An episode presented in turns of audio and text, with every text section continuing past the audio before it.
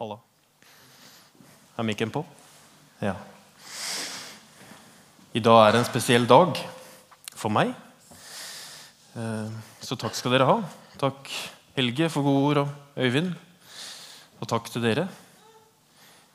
Yes. Jeg er jo så heldig at jeg har en eh, god styreleder i menigheten som er eh, seriøs og fin. Det er jeg veldig takknemlig for. Og så er også nestlederen i menigheten også på nett, selv om det av og til er litt sånn uklart gjennom de brillene der. Ehm, Så det er jeg takknemlig for. Vi er jo eh, Vi har liksom holdt på eh, åtte uker åtte uker i dag med serien Egentlig her i Skien misjonskirke. Og Da har vi spurt hva vil det egentlig si å følge etter Jesus i 2015. Og så snakka vi litt om på staben her om eh, tirsdag at nå er det jo siste uke. Og hvorfor er det det egentlig? Det er jo fordi det er påske. Eh, I hvert fall vi skal feire påske neste uke og liksom gleder oss til dette. ikke sant? Kvikk Lunsj og Det blir deilig. Eh, Det jeg gleder meg mest til, er dette. Eh, Og har sett etter de, så vet ikke jeg hvordan det er hjemme hos deg. Jeg har liksom et inntrykk av at man pynta mer til påske før enn det man gjør nå. Er det liksom Stemmer det, kanskje? For han her han har jo liksom pynta rikelig. Eh, så det er liksom ikke noe tvil om at det er påske der. eh, I den skogen. Og så var, no, Av en eller annen grunn så begynte vi å lete hjemme hos oss når vi fikk barn, etter påskeharen. Jeg vet ikke hvor bibelsk det er å lete etter påskeharen og finne påskeegg og sånt. Men så har de funnet denne påskeharen, og den er jo ganske stor. Hvis man ser på den. Så, det, så man kan liksom av, nå kan dere avlyse påske... Ikke påskefeiringa, kanskje, men påskeharelettinga. Når jeg sier at vi er i egentlig-serien, så er det sant. og Den skal vi lande i dag. Vi har kjørt eh, og sett litt på hva Jesus sier i Bergprekenen. Bergprekenen er en tale som Matteus blant annet har skrevet ned. og Han har brukt tre kapitler på det, fra 5. til 7. kapittel. og Så heter den Bergprekenen fordi den ble holdt oppe på et fjell. Man tror det i hvert fall, Egentlig så var det kanskje en sånn slette oppe på et fjell, men vi kaller den Bergprekenen for enkelhets skyld. Eh, og Der sier Jesus mange ting. Han sier bl.a.: Dere har hørt det er sagt, men jeg sier dere. Dere har hørt sånn og sånn. Dere har kanskje lest om det, dere har kanskje lest nyheter om det, eller sett på Instagram eller posta på Facebook sånn og sånn. Men jeg sier dere. Og så har vi i denne serien snakka litt om det å være lys og salt, som er ganske kryptisk i verden. Vi har snakka om det å bekymre oss, hvordan vi skal forholde oss til det, vi som ønsker å følge etter Jesus. Eh, Og så har vi snakka om grådighet og økonomi og sånne ting som det. For vi har spurt da, hva vil det egentlig si å følge etter Jesus. Forrige søndag så holdt eh, Runa Byberg en tale om tilgivelse. Eh, og Den ligger ute på skienmisjonskirke.no sammen med alle tallene som vi holder. Eh, Så gå og sjekk ut den. Det er litt sånn dårlig lydkvalitet på den, men hvis du hører nøye etter, så hører du hva Runar sier. Eh, Og så kan du også laste ned en sånn podkast-app som heter Skien misjonskirke i AppStore, og så får du det rett ned på telefonen din. I dag så vil du få et sånt oppfølgingsark i hånda når du går ut, som vi ønsker at du skal ta med hjem til smågruppa di eller til familien din. Og så ønsker vi at du skal snakke om det temaet hjemme, sånn at det ikke bare stopper her og blir noe vi gjør hver søndag. Eh, hvis du lurer på hva en smågruppe er, så er det det beste vi kan tilby dere. egentlig, å være med i det. Eh, hvis du ikke aner noe om hva det er, så kan du komme og snakke med oss etterpå. skal du få mer info om det.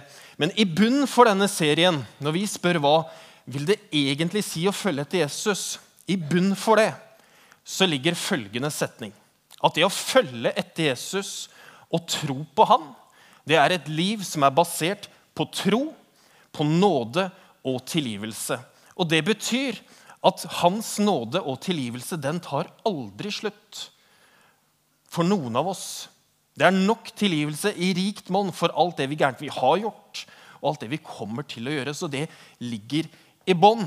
At når vi har tatt imot Jesus i våre liv som vår Herre og vår Frelser, så, blir, så er vi frelst. Og så kommer vi til himmelen, og så blir alt bra til slutt. Da kan vi sette oss på bussholdeplassen til himmelbussen, og så blir alt bra til slutt, for vi kommer dit. Men så spør vi oss er det noe mer enn det. Hva betyr det egentlig? Stopper det der? Og så kan man si at Budskapet i bergprekenen er på en måte en type frukt av det å følge etter Jesus. Fordi Jesus gir jo eksempler og tegn på hva det vil si å følge etter han i bergprekenen. Det er jo det han sier. Kommer opp med noen eksempler og noen tegn på hva det nye livet er, egentlig, og hva det egentlig vil si å følge etter meg. Og I dag skal vi avslutte denne talen. Ikke denne talen nødvendigvis, men det skal vi også, men vi skal avslutte serien. Eh, og Da skal vi se på noe av det siste som Jesus sier, som står i Matteus 7, 24-27. Og Der snakker Jesus har jo sagt masse i løpet av tre kapitler. Og så kommer han liksom ned på bottom line. Liksom, det siste. Hva er det siste jeg jeg skal, hva jeg skal si? Og Da snakker han litt om å høre og gjøre. Og så snakker han litt om å høre og ikke gjøre. Og så snakker han om å bygge huset sitt på fjell versus å bygge huset sitt på sand. Skal vi se hva det står. Skal jeg bare vippe litt, så jeg ser. Han begynner med å si at hver den som hører disse mine ord, og gjør det de sier, ligner en klok mann som bygde huset sitt på et fjell. Regnet styrtet, elvene flommet, og vinden blåste og slo mot huset, men det falt ikke, for det var bygd på fjell. Så sier han videre.: Hver den som hører disse mine ord og ikke gjør det de sier, ligner en uforstandig mann som bygde huset sitt på sand. Regnet styrtet, elvene flommet, og vindene blåste og slo mot huset. Da falt det, og fallet var stort.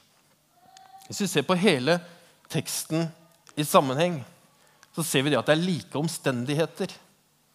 Regnet blåser, vinden blåser, eller regnet regner, og elvene flommer. Det er like omstendigheter. Det er på en måte et likt trusselnivå om det, men resultatet er jo helt annerledes.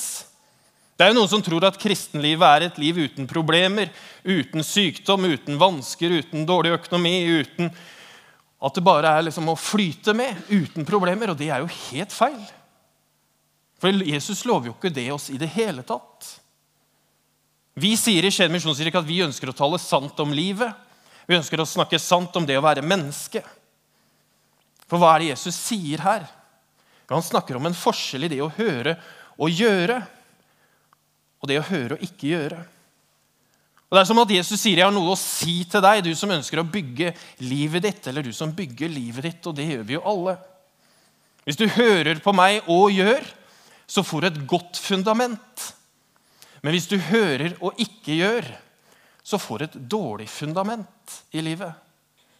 Så er spørsmålet hva slags fundament ønsker du, og hva vil det egentlig si å høre og gjøre? Jeg tenker at Det handler egentlig om to sånne hovedgrupper med høre og gjøre.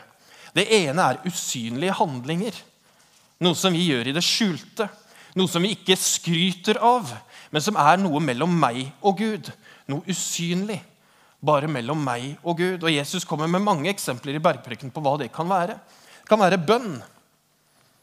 Når du ber, så skal du gå inn i rommet ditt, lukke døren og be til din far som er i det skjulte. Bønnelivet vårt er ikke noe vi skryter av. Det betyr ikke at det er noe gærent å be offentlig.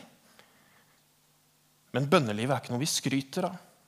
Jeg tror det at Hvis vi som tror på Jesus, bruker 15 minutter i stolen med han hver morgen, så tror jeg byen vår ville blitt forandra.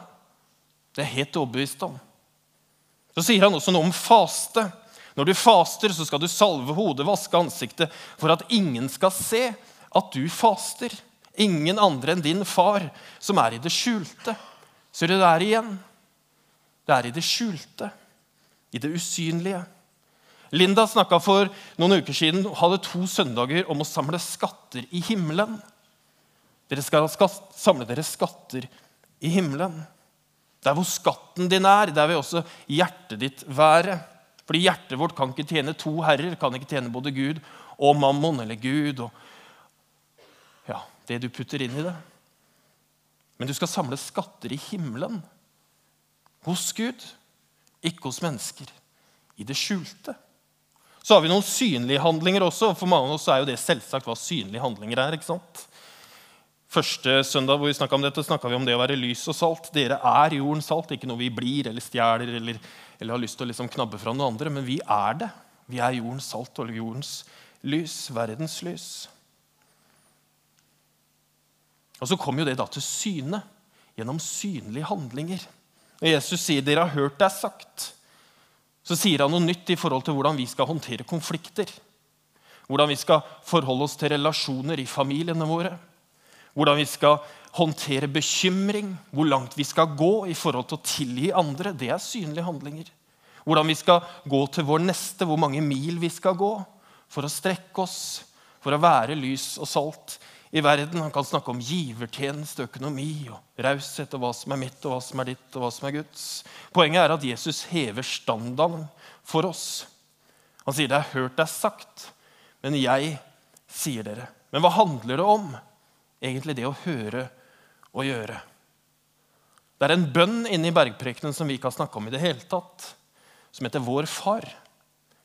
Og I kapittel 6, vers 10 så sier Jesus, 'La ditt rike komme' tenker det handler mye om å høre og gjøre. La ditt rike komme i mitt liv, i min familie, i min menighet, i byen vår. La meg høre og gjøre, Herre. For jeg ønsker at ditt rike skal komme i mitt liv, og da kan jeg ikke bare høre, men da må jeg også gjøre. Og så kan vi be om det, om at Guds rike kommer i vårt liv og forvandler oss eller istandsetter oss sånn at vi bygger vårt hus på fjell.